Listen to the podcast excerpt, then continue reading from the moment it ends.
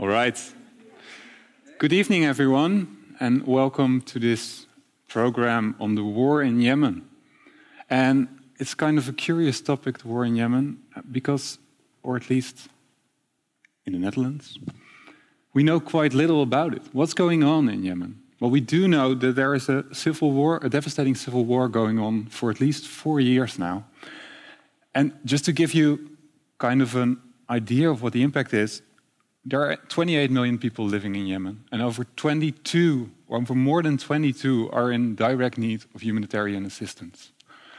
And yet, we see so few on the so few about this on uh, on our media. I mean, the NOS sometimes reports about it, and you might read something about it on uh, Fox or on uh, social media. But still, it's hard to grasp what's really going on, and that's what we're going to talk about this evening. So, what's really happening in Yemen? Uh, we will try to explore uh, the conflict, the strategic interest involved, what are the, war, war, uh, the various parties, factions fighting, um, what's the role of the United States, the UN, um, and is there a way out of this conflict? Who should we turn to? Um, and we'll have, so we'll organize the evening as follows. We have two brief lectures. The first one is by Musa Elaya, He's a, a political scientist uh, from Yemen. He's been uh, working at the political science department at Sana'a University, I just heard during dinner.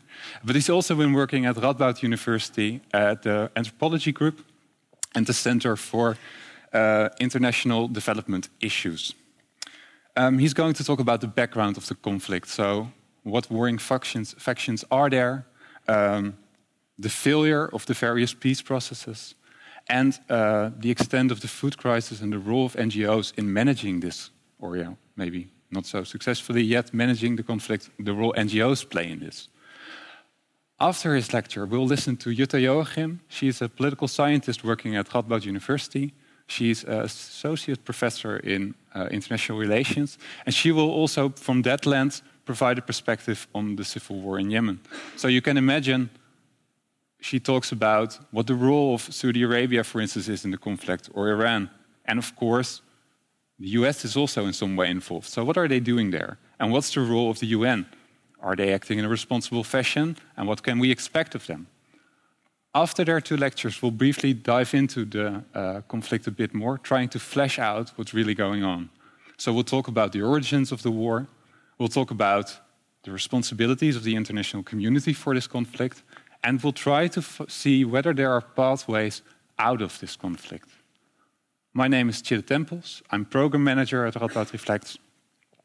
Um, I'll be your host this evening.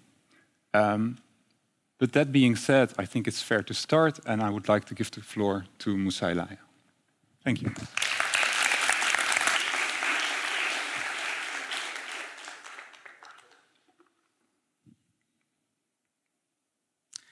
Uh, first of all, I would I would like to thank uh, uh, Radboud Reflect for uh, making this evening possible, and also especially to Taida and Elizabeth for their efforts to organize this event.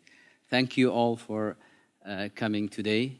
Uh, and I'm going today to reflect some ground, reflect, ground reflections about the, the war in Yemen.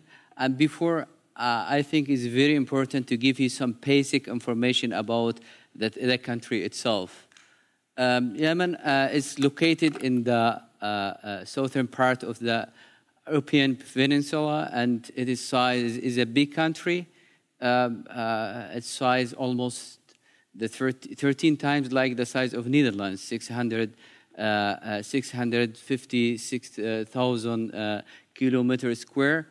Um, the, um, the population growth in, in the country is really uh, huge, and the population is almost uh, 28 million person now in Yemen, estimated, uh, and the society divided into uh, two uh, uh, religion groups. the, the Sunni, they are between 60 to 70 percent, and the Zaydi Shiites between 40, 30 to 40 percent. Um, the climate in Yemen is the country is really uh, uh, dry and hot. There is some very nice places like, For example, Damar is like mostly like Netherlands, and also Ibb governorate is green, and uh, some governorates also they are green, but mostly it's dry and uh, also desert, but it's rich of oil, a lot of oil in Yemen. But uh, uh before, and you see that before that, uh, before the war, the oil was the main income for the national. Uh, for the national income in Yemen or the traditional economy in the country. The country for so long time is facing two main problems. It's the um, arms circulation that in Yemen almost 60 million guns for almost 27.5 uh, million person, and also the uh, the water problem, the water crisis. And Netherlands is spending a lot of uh, a lot of uh, money there, and also uh, so many programs trying to solve the problem, especially in two cities that, is, that are uh, Sana'a, the capital, and also Taiz. This just uh, basic information about the country, and later on we can also discuss about it. Uh, if you see that about the social groups, the social groups they are very important to speak about it. Is they can give you also clue um, about uh, also the different factions who are fighting now in the country. Um, in Yemen, we have the, the three the four, four uh, groups, the Sada, the Qadis and Sheikhs and the owners. The Sada, they are really, the, they are claiming that they are the uh, inherited from the Prophet Muhammad and they, uh, they are the, the, the, they have mandate from God to rule the country. And the Houthis, they are from this, this uh, group and they are 2% of the society and they have very strong political administrative roles and even before the war for almost 1,000 years. Um, the same thing for the other groups like the Qadis and the Sheikhs and the owners. Uh, the tribes, they are well educated, you see. They are well educated in the society.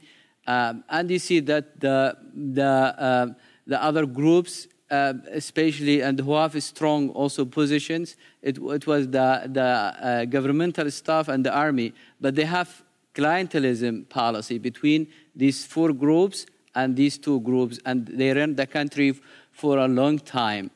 Um, also, we have a special, a special group, they told them, the servants, they are also doing some, some jobs like the haircut or selling meat, and they are serving the whole, the, the whole groups in the society. Um, they are protected by the other groups. Um, here, you see the women, the women, they are 52 of the, the whole society, and they have weak position, political position, and administrative roles, and they are uh, they, they, are, they are not that well educated, just only 27% of them. And there is a saying in Yemen, they told the worst place to be woman is in Yemen, but also I have saying that uh, is also the worst place for any country, especially a poor country, to be also a neighbor of a rich country is like uh, Yemen also. Is what also Mexico in United States also the same thing. Is a lot of examples about this case. So I'm mo moving now to who are who are really uh, fights whom and where in Yemen. I think everybody of us knows that uh, that we have two forces of four in Yemen, factions. We have the Hadi forces backed by the Saudi Arab coalition, and we have the, uh, the Houthi forces backed by Iran and other Shia forces in the country. Um, I think also there is also the Southern movement and also the Qaeda and ISIS as a different actors, also different forces. But the case is not like this, it's very more complicated. And there are different factions, sub factions, they have their own structures. And you can see that the, this one it can be this one it can be one structure and this one it can be one structure but there are sub, sub also subfactions and they have also their own structures it is really difficult for me to understand how they are even sometimes uh, the forces within hadi group they fight to each other and also they are fighting with the, with the houthi forces so if you see that we have four factions of the hadi some of them, they are the formal uh, units of the national army before when the Saleh was ruling the country. and also the forces of the Islah parties are some militias for the Muslim Brother, Brotherhood branch in Yemen. Um, uh, they are located here in this, in this place in Taiz mainly, and also in Marib in this place in the east of Yemen. And also there are some uh, uh, militias of the tribe under the leadership of Ali Muhsin al-Ahmar. This person was the uh, ex-man, ex-second, ex-second man of Ali uh, of Saleh, uh, because he was really the person who held a lot of power before, uh, and he has some militias. We have also the Republican Guards. This under the leadership of the nephew of the former president. This is established by, by Emirates they regathered the former National Guards. They were really uh, protecting the, the uh, Saleh, and they are well trained by the United States and also some European countries. They, they trained them as special units to fight against terrorism in the, the country, and they regather, regathering them, and they are located in this place from Mukka, Mukka Port to the Hodeida, and in some places here uh, and in this location the Republican Guards. And we have also the Amalika forces. This is including also some Salafi fighters. Uh, uh, they have the Wahhabi faith. So they are against the Houthis based on religion, uh, religious side, uh, based on faith. And they are pro-Hadi and they are strong, very strong fighters. Also within, within Hadi, uh, within Hadi uh, forces, they have also some spatial structure of, of, uh, uh, of uh, factions. They, they have their loyalties to the Emirat or to Saudi. For example, this the new Southern movement in Aden, in this place, they are really backed by the Emiratis. And they, the Houthi, the President Hadi has no authority over them. And also we have the, they have the Hadramaut National Army, the same thing, established by the Emiratis in Hadramaut, uh, in this place, in the Mukalla, in this place. And they also some Yemeni businessmen who are really placed in now in the GCC countries, in the Gulf countries. Uh, also, there are some other other uh, uh other Salafi uh, military backed by United Arab Emirates. They are located also here in Taiz. And this, this, this group also ha had a fight with the Islah Party, and they, they, because they have a different, different perspective and also they have different interests. Within the Houthi, also uh, within the Houthi, they have also six groups, and we have the Houthi uh, religious uh, militias, uh, and they are they are from the two percent I just mentioned. They, were before like ten thousand, uh, 10,000 person in 2000. They went to Lebanon and to Iran. They trained there, and they, they told them the Shabab al-Mu'min before. Um, now they are almost like 30 to 40 to 40,000 person, and they are well trained, and they, they have also all the administrative and the political roles now in the country, and also the leadership roles within the different forces uh, uh, within the Houthi uh, group. And we have also some militias from the tribes. They are especially from, from the Zaidi Shia areas and also some, some units from the former national and police army. is also they, they are also fighting with, with the Houthi uh, against the Hadi forces.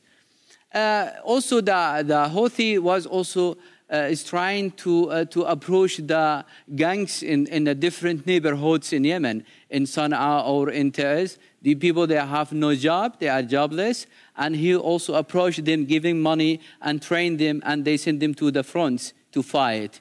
The same thing for the refugees from, from Africa, especially from Somalis and also from Ethiopia. They are also fighting with the Houthis.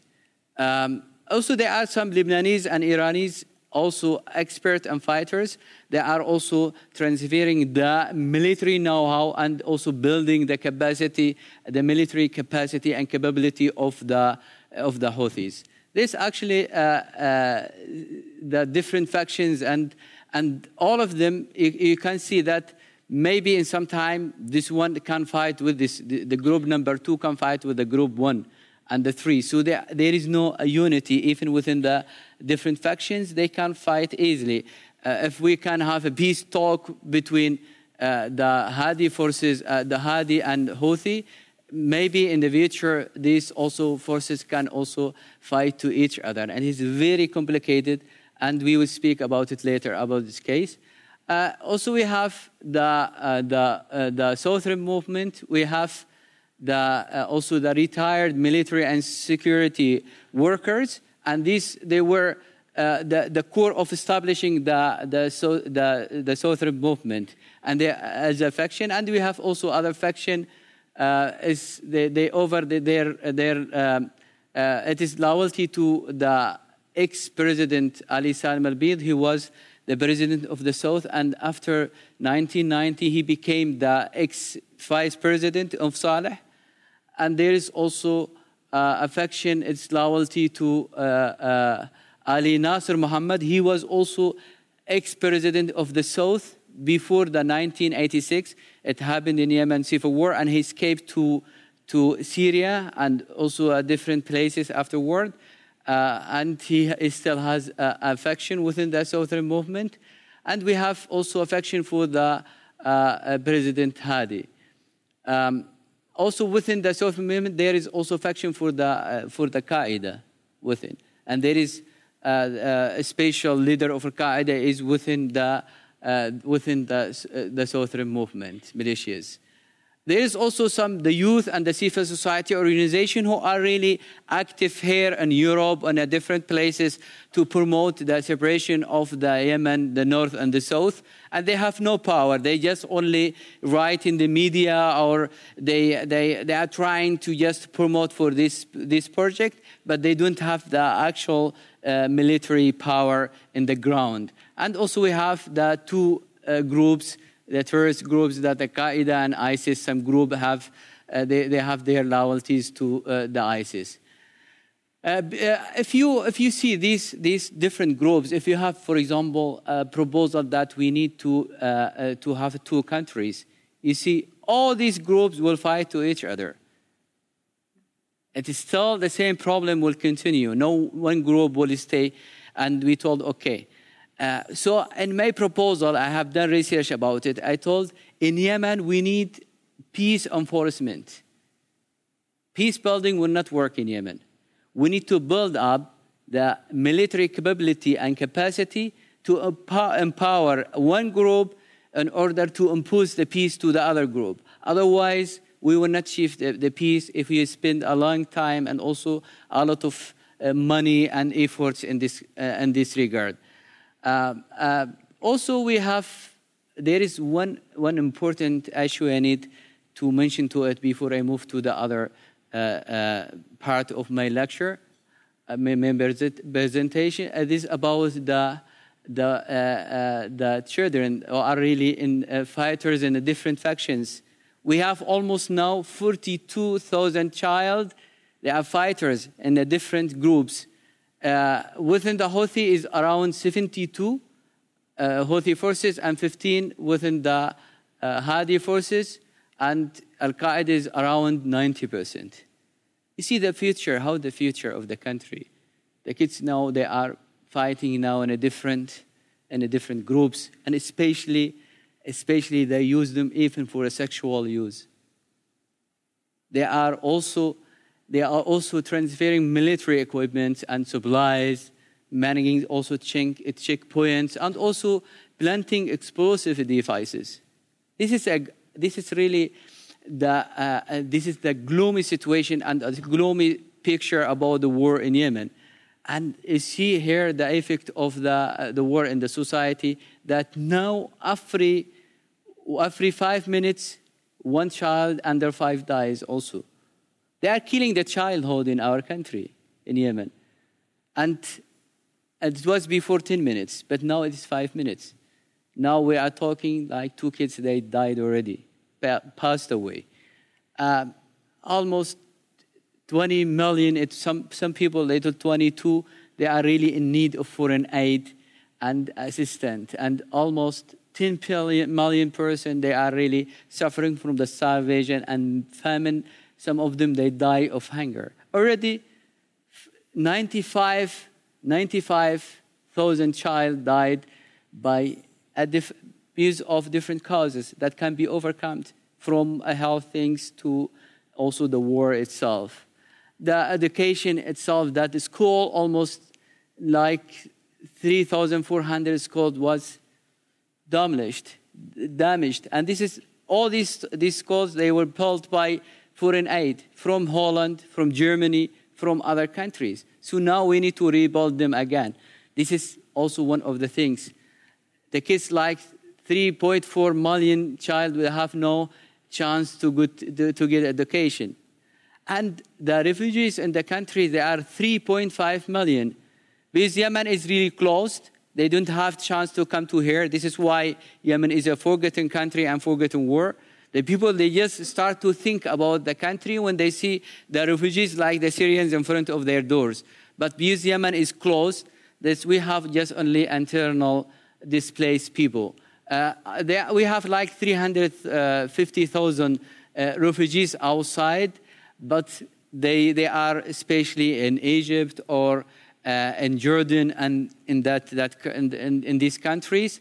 In Holland, we have like, I think, like 500 or 700 uh, person uh, as refugees. They came as to study here and they stayed all like that.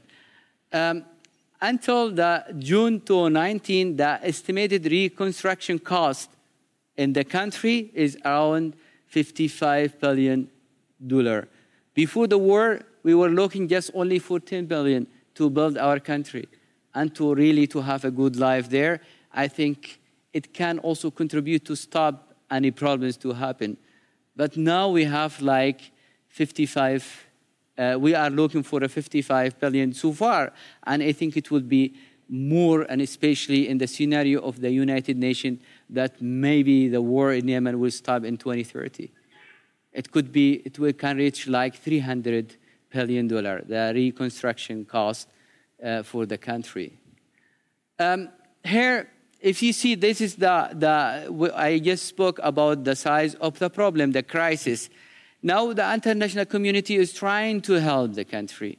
And there are a lot of taxpayers in the different countries. They are trying to help. They have a good attention when they see the pictures, the videos of the people are suffering. They're trying to donate and also to give money. But if you see that the, I just did a research about it, and the total amount it reached to the 10 billion US dollar in the four years. That channeled by the UN and also other international non-governmental organizations and also individual donations is almost 10 billion dollar. But this money, uh, I think, didn't achieve the, the beneficiaries. Not I think, but I'm sure about it. Um, because, first of all, the delivery cost is between 40, 45% to 75% is really uh, is, is now is going to the, the brokers. The brokers from the United Nations itself. Uh, so you see that one example I told you just two days ago, the cost of the internet usage in, in Yemen is almost 1.2 million dollar for the OCHA is one office. This is one office. You see that the tax, if you send one dollar via the government, this money is going to the brokers. The brokers, the international brokers, and also the local brokers. And also the rest is going to the fighters. We will see later.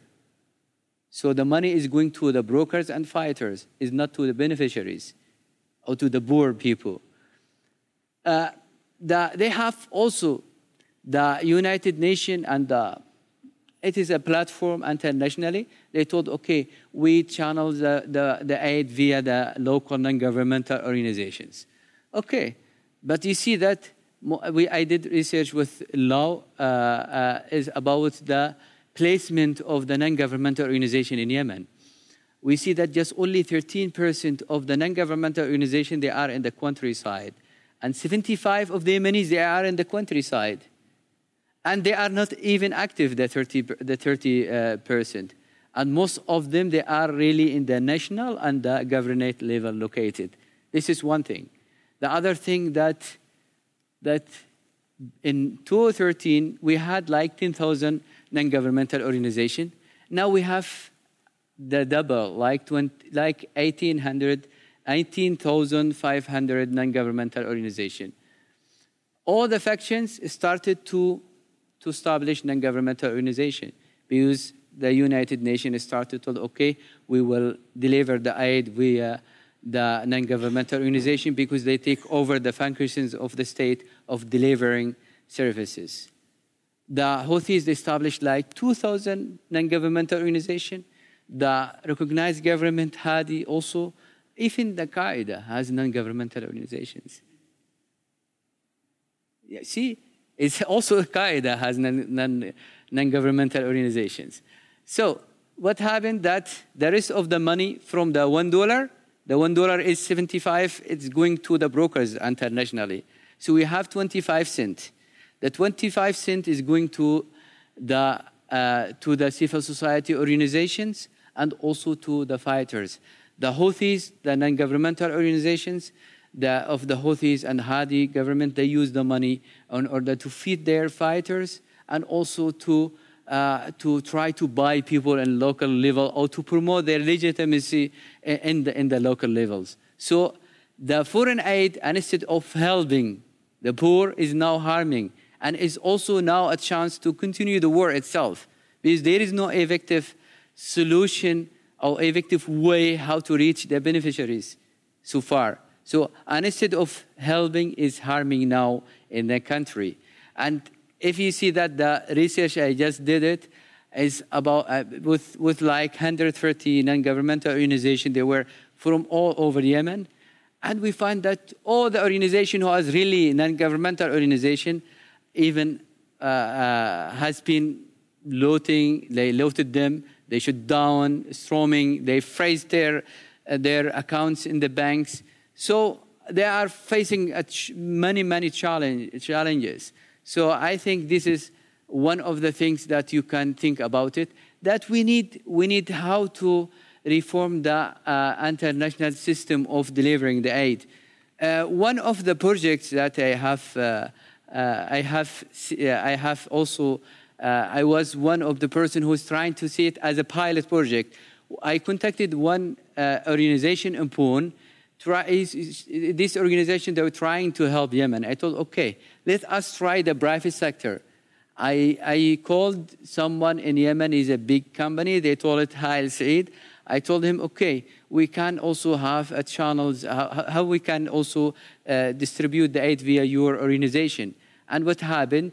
They received the money. They add also $2 million uh, to it and they give just only give the tickets to the poor poor families because we have also a study to 5000 family. They went to the stores and they take their ticket and they get to take the food. And the cost was zero. Zero cost. But if you see the international uh, international now platform that via the united nations the most of the money is going to them. They rent they rent a ship in the sea to hold the peace talks between the Houthis and Hadi forces, and they paid in the, in the, in the one day like $200,000 for the ship.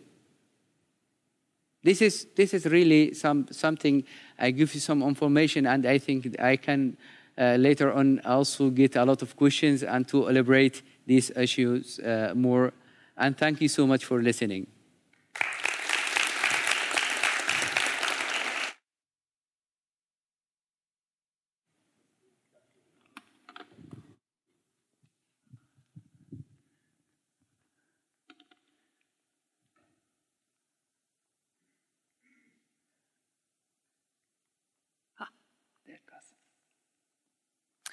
Good evening. Um, thank you for coming out, and thank you also for the organizers uh, for making this possible uh, and for inviting me. And thanks, Musa, for uh, laying the ground here uh, and uh, putting uh, Yemen on the map. Um, I wouldn't even attempt to go into the detail that Musa went into because I'm not a descendant of Yemen. Uh, I'm an international relations scholar. That means I will have a more global perspective on the war in Yemen going on. And having said that, how many of you had heard of Yemen prior to coming to this lecture? okay, very good. How many of you had heard about the ongoing civil war? very good. Last question. Um, how many of you have heard about the ongoing civil, civil war uh, before, let's say, January of this year? A little less, yeah. Obviously, you're not the majority. Because, as Musa was pointing out, we don't really hear much about Yemen. And for that very reason, Yemen has often been referred to as the forgotten war. Unlike Libya, unlike Somalia, unlike Syria, which is on a daily map, or Iraq, Afghanistan, where civil wars are going on, um, we don't hear much in the news or elsewhere about the civil, ongoing civil war in Yemen. Um, this is problematic um, in my eyes, or is also puzzling, as we say in, in university terms, in academic terms, because Yemen is not an, a less strategic place. As Musa was pointing out, it has rich oil resources, right? Uh, in that sense, ge- geostrategically, it's an important place. Moreover, it's lo- located on the Arab- Arabian Peninsula and provides access to waterways, to the, the Gulf of Aden, to the Red Sea, but also to the Indian Ocean. So puzzling, why aren't we more worried, more concerned, more hearing about uh, the ongoing civil war?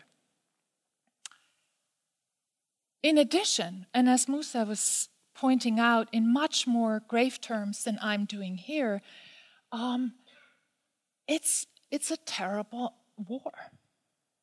The war has been ongoing since 2015 and has a high number of casualties. I think Musa's uh, statistic illustrated that as well. I was saying uh, to Tide, who was sitting next to me, it's already losing a generation, right, to the war um, of children. Um, there's people dying um, from the ongoing civil war. Um, these are numbers from Amnesty International um, 17,000 uh, people, moving up to 18,000 people have been killed since then. It's exhibiting the world's worst humanitarian crisis, uh, affecting um, children, especially, but also men and women in, in uh, the country.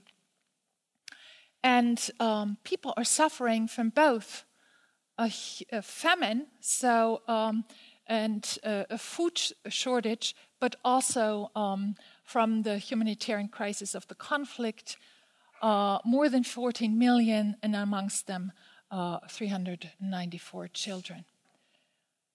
And last but not least, something we don't also hear much about, right? The refugees that it, the war is generating, which are not ending up more, mostly on the European continent, but rather ending up um, in neighboring countries. So, why aren't we hearing more? It's also surprising to me when I started occupying myself with the topic why aren't we hearing more? There's international involvement, and that's my, my focus tonight.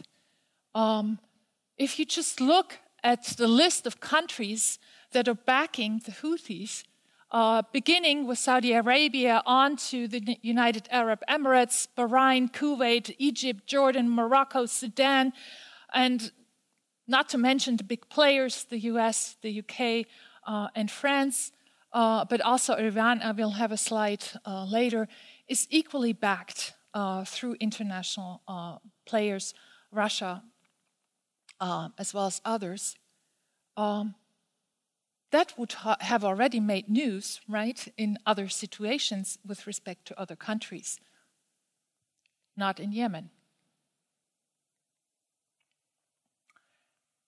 Also, the United Nations is not playing a minor role here. Well, granted, it's not involved with peacekeeping forces um, or peacemaking forces, also as we call them sometimes today but that might be a reason why we're not hearing so much about Yemen. Um, but nonetheless, it's involved in the country. Um, it's um, since uh, the Arab Spring in 2011, it has tried to bring the different warring factions and groups together. Uh, to, it has uh, initiated a national dialogue in 2012 um, and trying to uh, bring about more conclusive and inclusive um, parliamentary setting, uh, but also a more inclusive co uh, constitution. And those talks utterly failed uh, because the plans that were mapped um, that were not uh, to um, equally benefiting all groups, and therefore fighting resumed. Um, the UN has also been involved in the country with special envoys. Um, who have been trying to mediate between the different factions um, and have managed uh, in December of 2018 to uh, get an agreement uh, from the warring factions that at least the ports are being demilitarized, right? Um, pardon? Yeah, yeah. well, it was supposed to be more, uh, but uh, the process is slowly uh, coming, uh, starting, and there is great skepticism as to whether the agreement will actually being um, held true to and being really implemented. So, what's explaining, so to speak, the silence on that on that war? And what i will do in the remaining time i would like to use a bit um, or put myself into uh, the shoes of a, a, a, movie director who is offering different cuts of an ongoing scene um, and different interpretations of what, what might account for um, the silence or why we call it a forgotten war. Beginning with my first cut um, that would focus um, on the war from a perspective of power politics. This is basically an example of politics as usual, or an asserting of um, power on the parts of the different players involved who are pursuing nothing more and nothing less than their strategic interests in the region. Uh, first and foremost, um, Iran and Saudi Arabia. Yeah? um, who have um, been uh, struggling to gain a regional hegemony and uh, getting ahead of the other, uh, and each accusing the other um, of being basically uh, too much, um, having too much power and having too much influence in, uh, in the region. And that's precisely the rhetoric that Saudi Arabia uses, uh, portraying the Houthis as uh, one of the factions as simply being puppets of Iran. And this being um, in danger, or Yemen being in danger, uh, and being only one starting point for the Hezbollahization of the entire region. And therefore, it needs to be involved in the region. So, in some sense, you could see this. This is simply a proxy war between two regional powers, yeah, namely Saudi Arabia and Iran, um, fighting over regional hegemony. And this brings their relatives along, namely the US and Russia, and other um, allies um, that come into play and uh, that you see displayed here. Um, on the one hand, and, ba- and backing uh, the Hadi um, um, uh, gov- led government, um, um and more so uh, Saudi Arabia, uh, but also uh, Iran being uh, supported by China and Russia. Yeah? But why then aren't we talking about? There is international involvement. is to remember this is not a US led intervention or a Russian led intervention. Saudi Arabia is leading the coalition in this area, and that might already give a glimpse as to why we're not talking as much. Um, it's not directly uh, related um, to, um, the, to Europe or North America, to the north. So that's one interpretation. And I'm, I'm just giving here uh, props basically. I'm putting some provocative arguments ahead in the hopes that you will then uh, ask questions about it uh, more and giving me more floor to um, elaborate on them.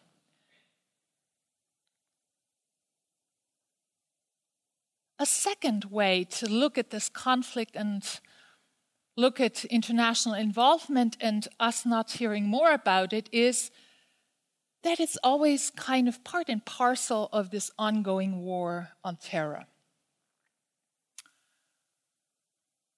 And yeah, there is Al Qaeda fighting um, on the Arabian Peninsula, um, and the US has been. Yeah, on, on yeah, exactly. Uh, I'll come to that in a minute. But yeah, the US has been involved already prior to the ongoing civil war and since 2002 um, in, the, in Yemen uh, fighting uh, Al Qaeda. Um, and the, then, still in, in uh, President Saleh allowed the US into its country um, allowing CIA agents, special units uh, into the country, and also allowing airstrikes and now drone strikes onto it. Uh, this practice was, or this policy was continued by President Obama. And with the argument that Yemen is a breeding ground for terrorists and for Al Qaeda um, and moving to a downward sectarian uh, spiral. Yeah? And is, and Al Qaeda is said to benefit. When you look a bit more closely, yeah, you could say, well, again, why aren't we hearing it? Obviously, Yemen is not as important as Afghanistan or Iraq. Yeah? Um, it's one, one amongst many where the two country, uh, where the U.S. is fighting the war on terror. There's also some ruptures here that are important, perhaps, to point out when we look at this, um, because this is not seamless. Yeah, while the US has been aligning itself with the former President Saleh um, in the fight against terror, it's been helping a Saleh government train um, units uh, in the country. Uh, uh it also has helped uh, the coast guards to monitor the waters. Um, but yet, it also had great distrust of the Saleh government at the time, whether it was really doing its job well and was really fighting the terrorists in the, in the uh, assumed sense. This is why I have this cartoon picture of Guantanamo Bay, because um, um, the US government has extradited um, terrorists from Yemen into Guantanamo Bay because it was not sure that the prisons in Yemen were safe enough to keep the terrorists uh, in there.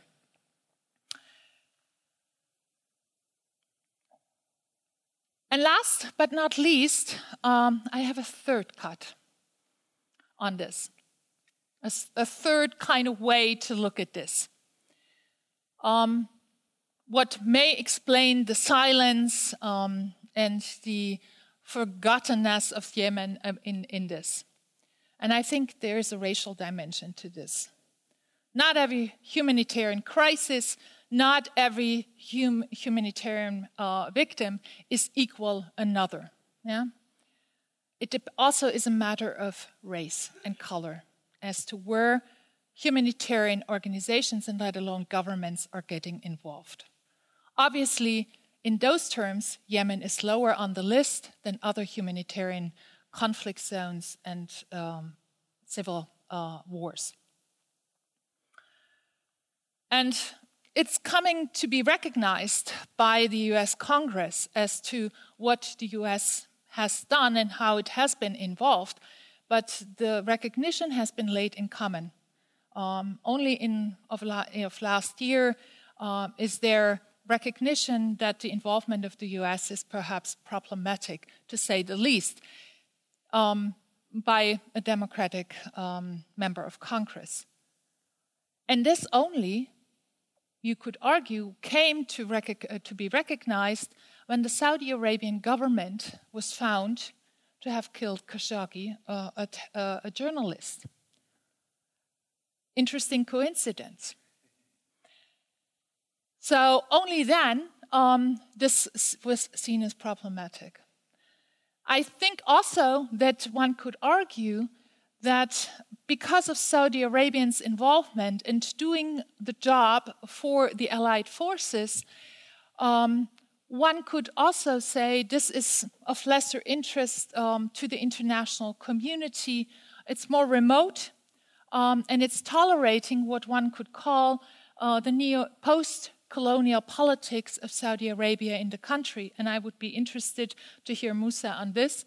But the involvement of Saudi Arabia is very much akin to the former colonial power, namely the uh, Great Britain or then the United Kingdom, uh, which also pitted off north against south uh, Yemen and tried to basically um, um, establish itself in, um, in the southern half of the country. Saudi Arabia is doing pretty much the same thing and replicating that, uh, pitting north against south, um, and not only that, but also uh, west, aligning west and east of the country uh, amongst it. Um, it's establishing so called security safety belts within the country. Um, and also already calling the South, similar to what the British um, occupiers did at the time, speaking of southern Arabia, yeah, in, in having basically won that area over to itself.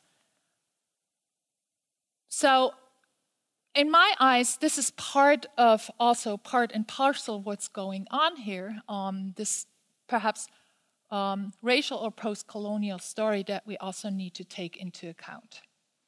With that, I want to leave it um, with uh, um, mentioning that those are just three kinds of ways of looking at this conflict, and they're offering us ideas about what's going on here. Um, not each, in my eyes, is uh, comprehensive, but together they may uh, provide some explanation of why we call this war a forgotten war and why it's getting so little attention from the international community. So I'm curious to hear your questions. Thank you.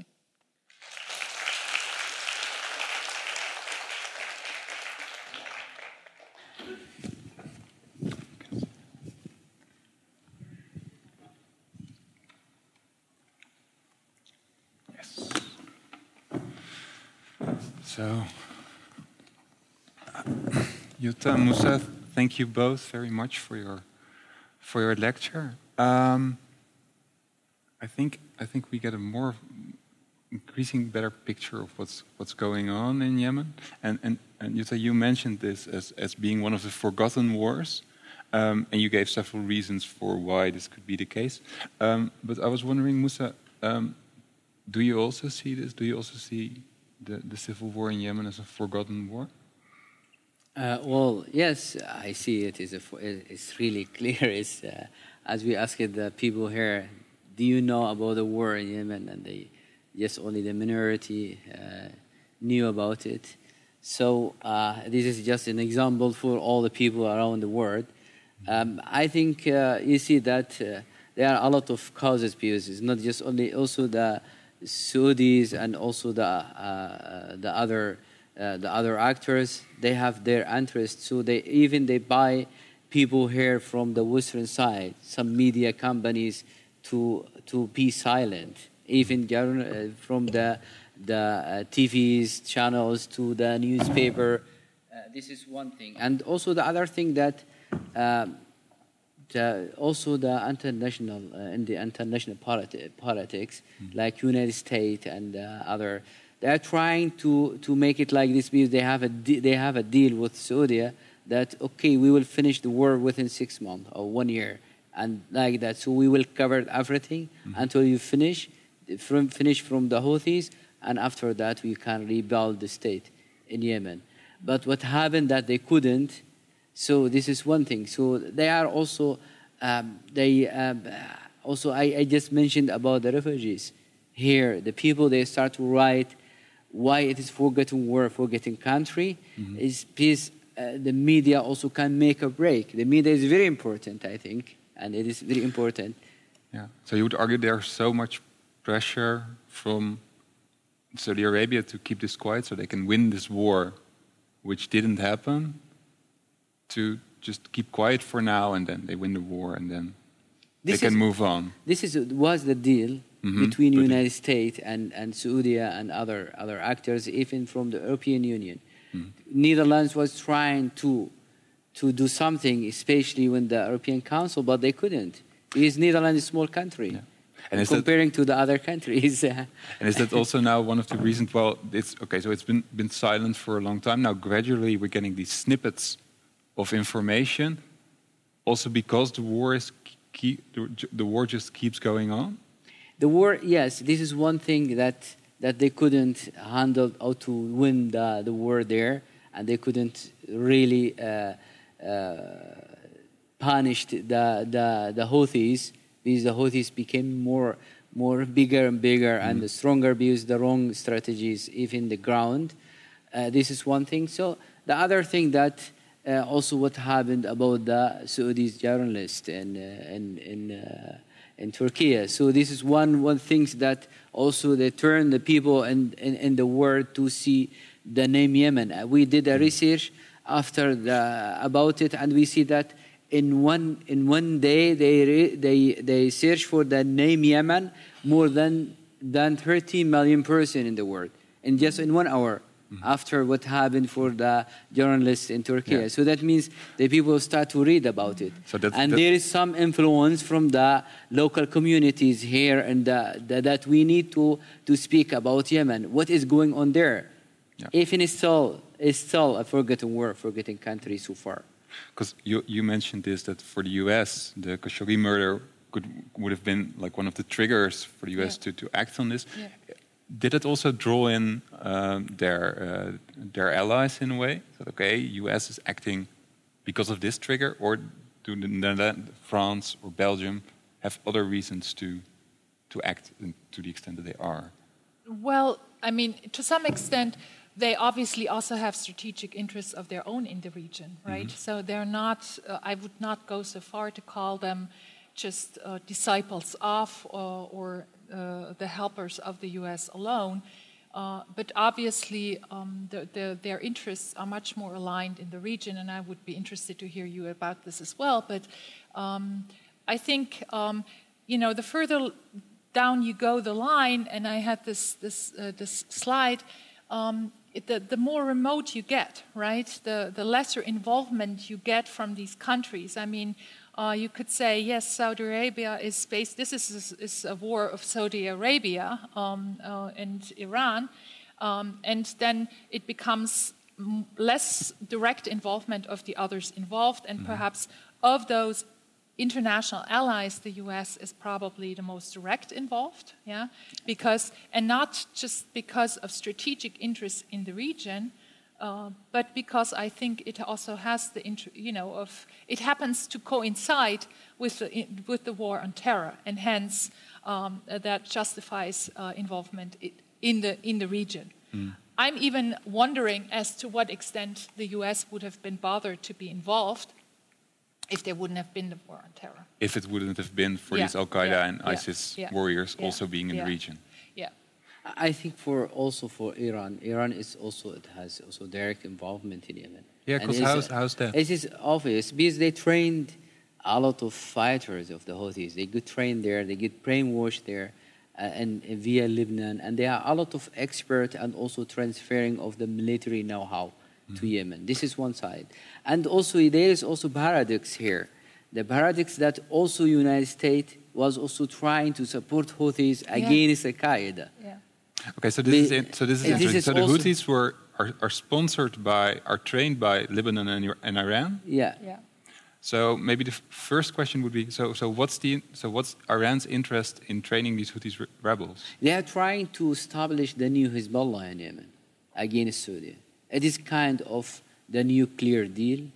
It's also based on the Shia's faith that they need to because the Zaydi they are more or less they are like Sunnah based on their religious side. Because this is a need a lecture to explain it more. But they told, okay, Zaydim, they are really bad, they are Shia, but they are really close to the Sunnah and their, and their beliefs and their, uh, what they think about Islam.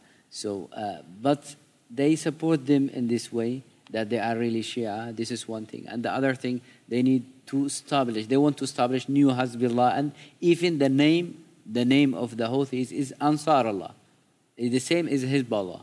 It's the same way. Uh, So, and even when you see the when you see the leader of the Houthis, when he has some sometimes uh, some he has some TV uh, interviews, he start to act like Hassan Nasrallah in Lebanon. Even his hand, his way, like that, he's talking, is acting like him. It's the same scenario of of uh, of uh, Ansar Allah and Hezbollah. So Iran is trying to to have a proxy wars via this group against, for example, Israel in, in Lebanon or against Saudi via uh, uh, via uh, uh, via Houthis. So it is in the way how to also to be.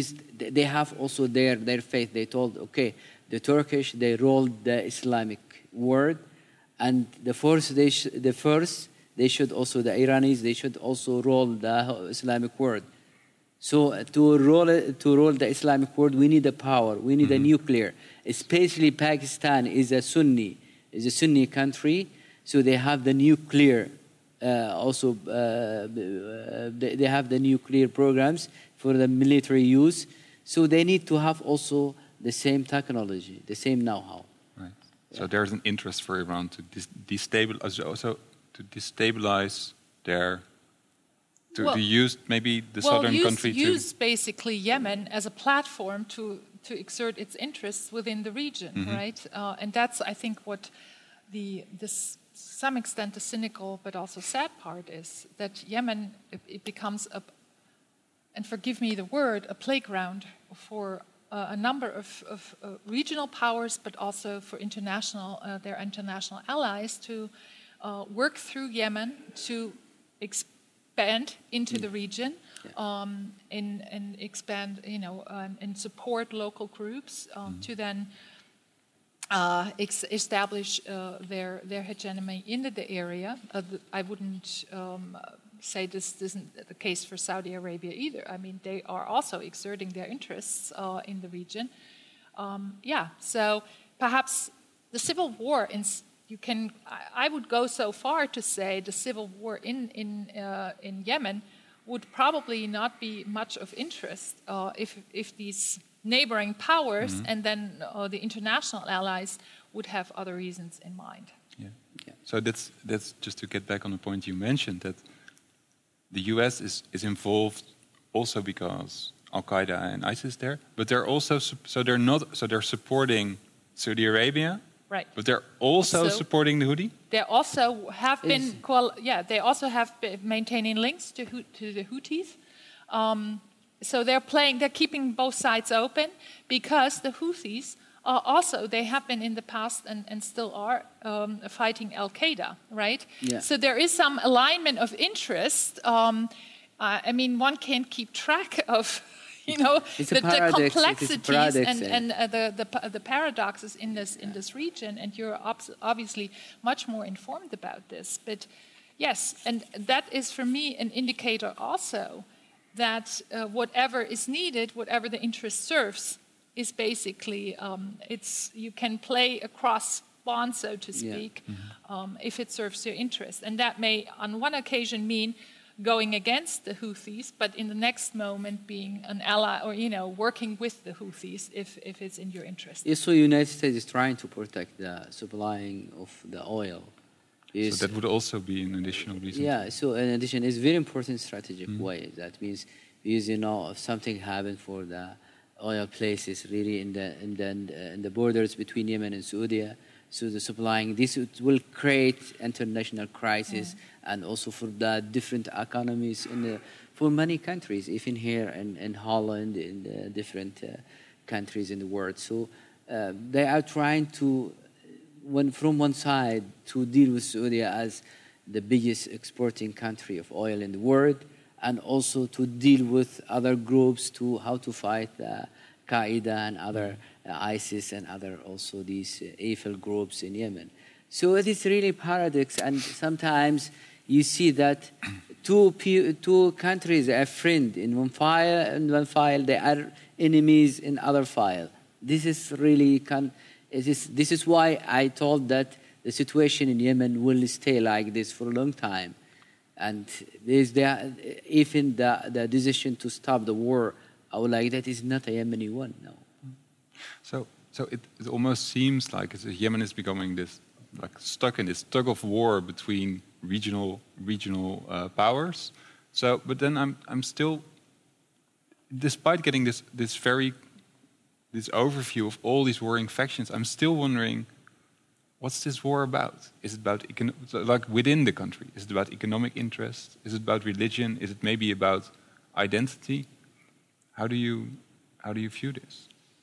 Um, I think uh, the war in Yemen uh, it has all different what you just mentioned about religion, about also uh, how to rule the country. There are different entries in it. Um, I think the war in Yemen is an international war and is supported by Saudis and Iranis. This, yes, we spoke, mm-hmm. we spoke about it. But also there is faith. For, for example, the Houthis, they have their faith. They, they are really the, uh, they are they have mandate from God to rule the country. This is for the religion side. Mm-hmm. Because they, they told that in, they, are, they are inherited from the Prophet Muhammad. They are the sons of the Prophet Muhammad and they are special people in the society. They are the 2% I just mentioned, the social groups. Yeah. And they, sh- they must rule the country, and they ruled the country for so long time, for almost 1,000 years. So they withdrew the power in 1962, mm-hmm. and they, they reorganized themselves from the time to now. As to now that they are taking their right uh, to rule the country back from uh, now after the Arab Spring. So there, this is one, one of the things that you can see it.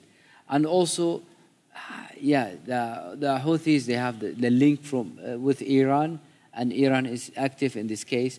And Saudi, they, ha, they have also their own interest to, to keep Yemen weak, to keep Yemen weak, because they are afraid of the problems between the borders. Mm-hmm. Yeah. So there is a big land and it's rich of oil, yeah? Most like 40% of the Saudi's oil, they are located in the places that they were former for Yemen.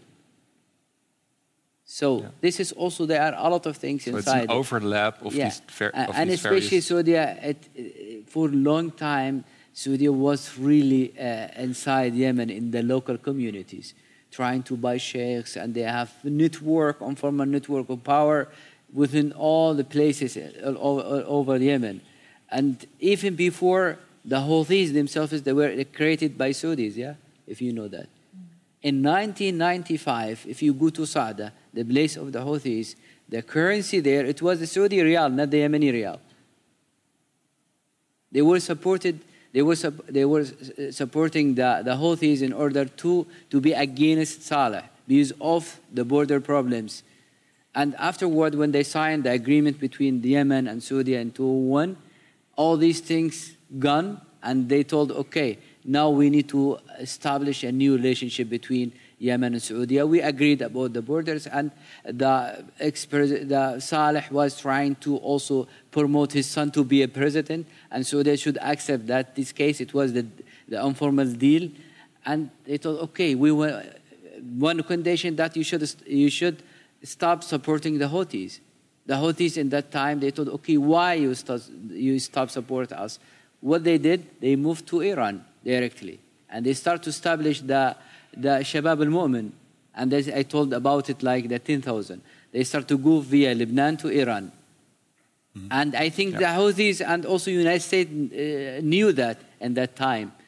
So if you see that is the, the Houthis themselves, they were even in, within Yemen before the, the 2000 from, uh, they were really like a small state within a state. Yeah, yeah. As a group, the the tax, even the local tax in, in the government of of of, uh, of uh, Saada, should should go to to them, must go to them, to the Houthis leadership. So it was it was a kind So like they're, yeah, they're now fighting back to get these privileges. yeah, yeah yeah. yeah What struck me in your in your in your presentation, I, w- I was wondering. So why are there so relatively few Yemeni refugees? And then you said, well, people cannot get out of the country. Did I understand that correctly? Yeah, th- yes, they, they, Yemen is really now plugged. You see the sea from, from the Arab Sea, the Red Sea, mm-hmm. and from that side is Oman and Saudi. Yeah. So the people, they cannot go there. They kill them in the borders. So, and Oman also is really close, the borders for the Yemenis. So the Yemenis, if they go to the, the sea, they go to Somalia, to these countries. It's no benefit to go. So it's not like Syria, they have open doors via Turkey to come to here. And the people start to speak. So now, if you see that in Holland, like 500 people, and uh, they came like to study or something like that. They are not that much. And the same thing in, in, uh, in, uh, in uh, Germany or in other countries. So, so could that also, so to bring it back to the forgotten part, could that also be an explanation why it's been out of sight for for several European countries in a way? Yeah, I mean, we, we don't have the direct effects, right? We don't, we're not confronted visibly with, uh, with the Yemeni war as we are perhaps with Syria or um, also to, to uh, some extent with Afghanistan. Yeah, we're not feeling those effects uh, in, in our faces, in our daily lives. Hence, it's much more remote um, uh, as a conflict, um, and we are not directly involved, uh, therefore. I, I did a research about the Forgotten War, and it is a paper online published. Um, I choose for um, for newspaper NRC, uh, the NRC here from Holland, and also the uh, from British I use one, and from France, and also to get it out. Switzerland. And in two years, I, I compare about the framing also about, about framing theory, and also I was also looking to how many times they cover the, the, the war in Yemen. Sometimes, you know, the, in, in the whole year, the NRC covered Yemen like 30 times. And the Syria is like, uh, I think it was like, like 30,000 or something times. Yeah. And even in the online platform or in the newspaper, the uh, hard copy. So if you see that is really, it is really also a paradox here, you see it. That if you, uh, people, they always, they are, they are trying to cover their eyes if, if not the, the problem in front of their doors. Yeah.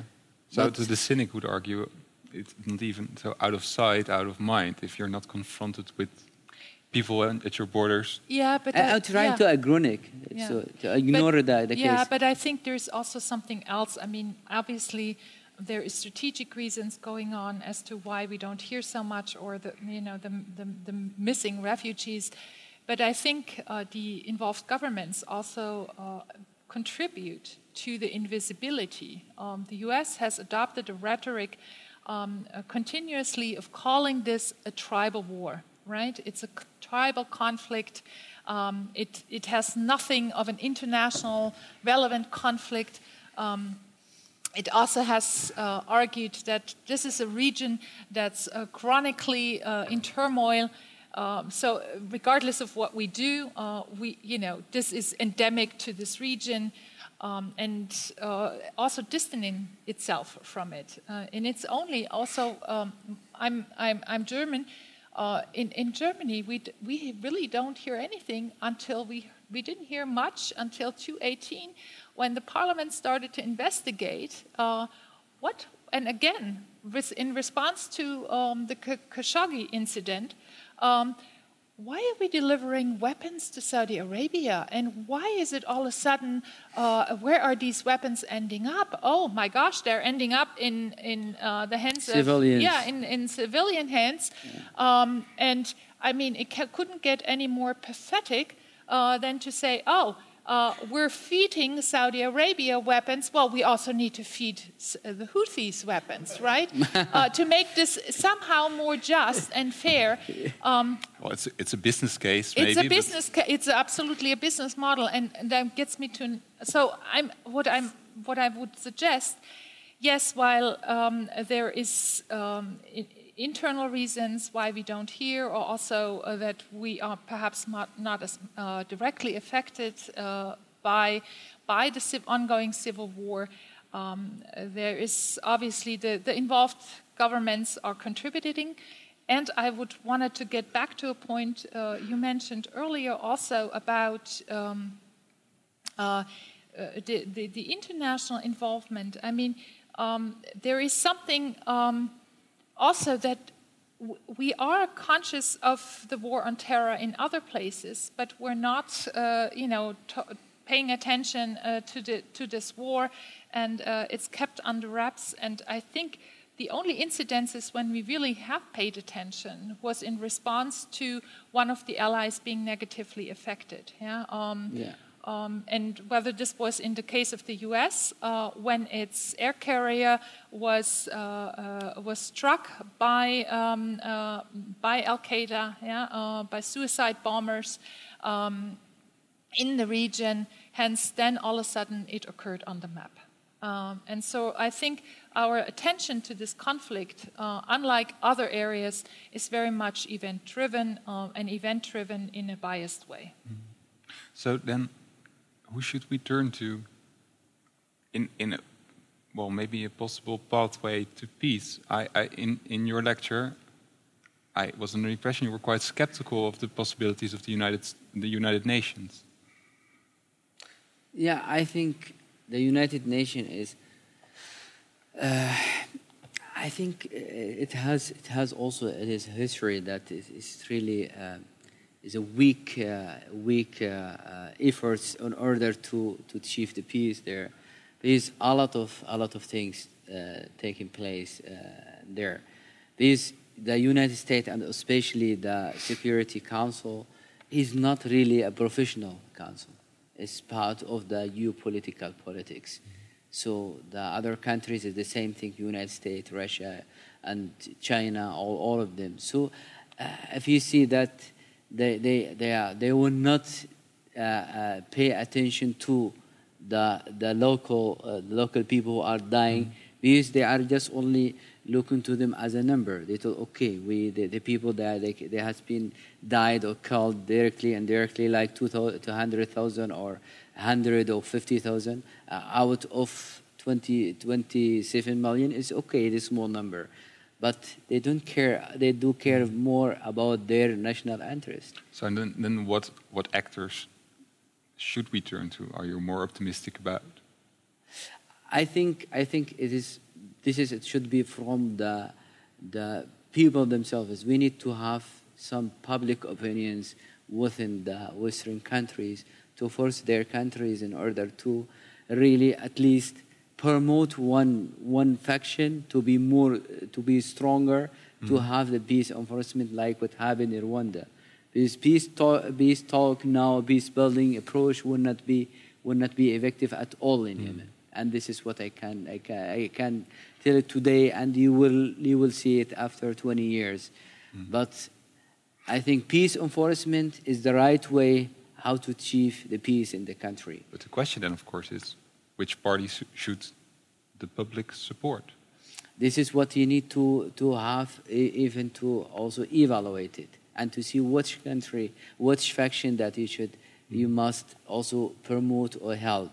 Because now what happened that United States has interest to support Houthis against Qaeda, and uh, but if they support Houthis, Houthis is really pro-Iran, and Iran is against Saudi, and mm-hmm this is really something. This is something that a lot of things that.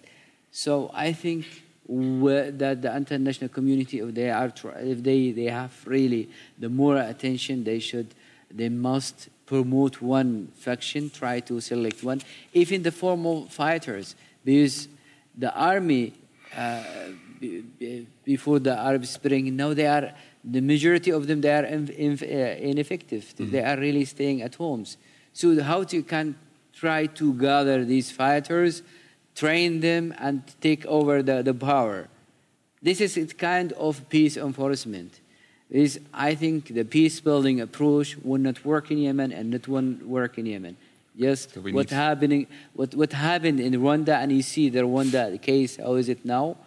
That it was the peace enforcement and they supported the front in Rwanda to be effective. And this is we have a research project about it yeah. now, how to also to do it uh, later on. I can't give uh, it's still now in the first stage, but we still have to give some recommendations later on. Peace enforcement then. Yeah. Okay.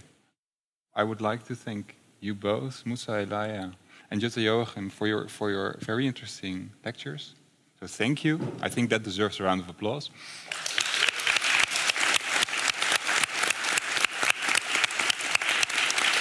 And I, of course, thank you uh, for being here, and we hope to see you again soon at another event. So thank you and have a nice evening.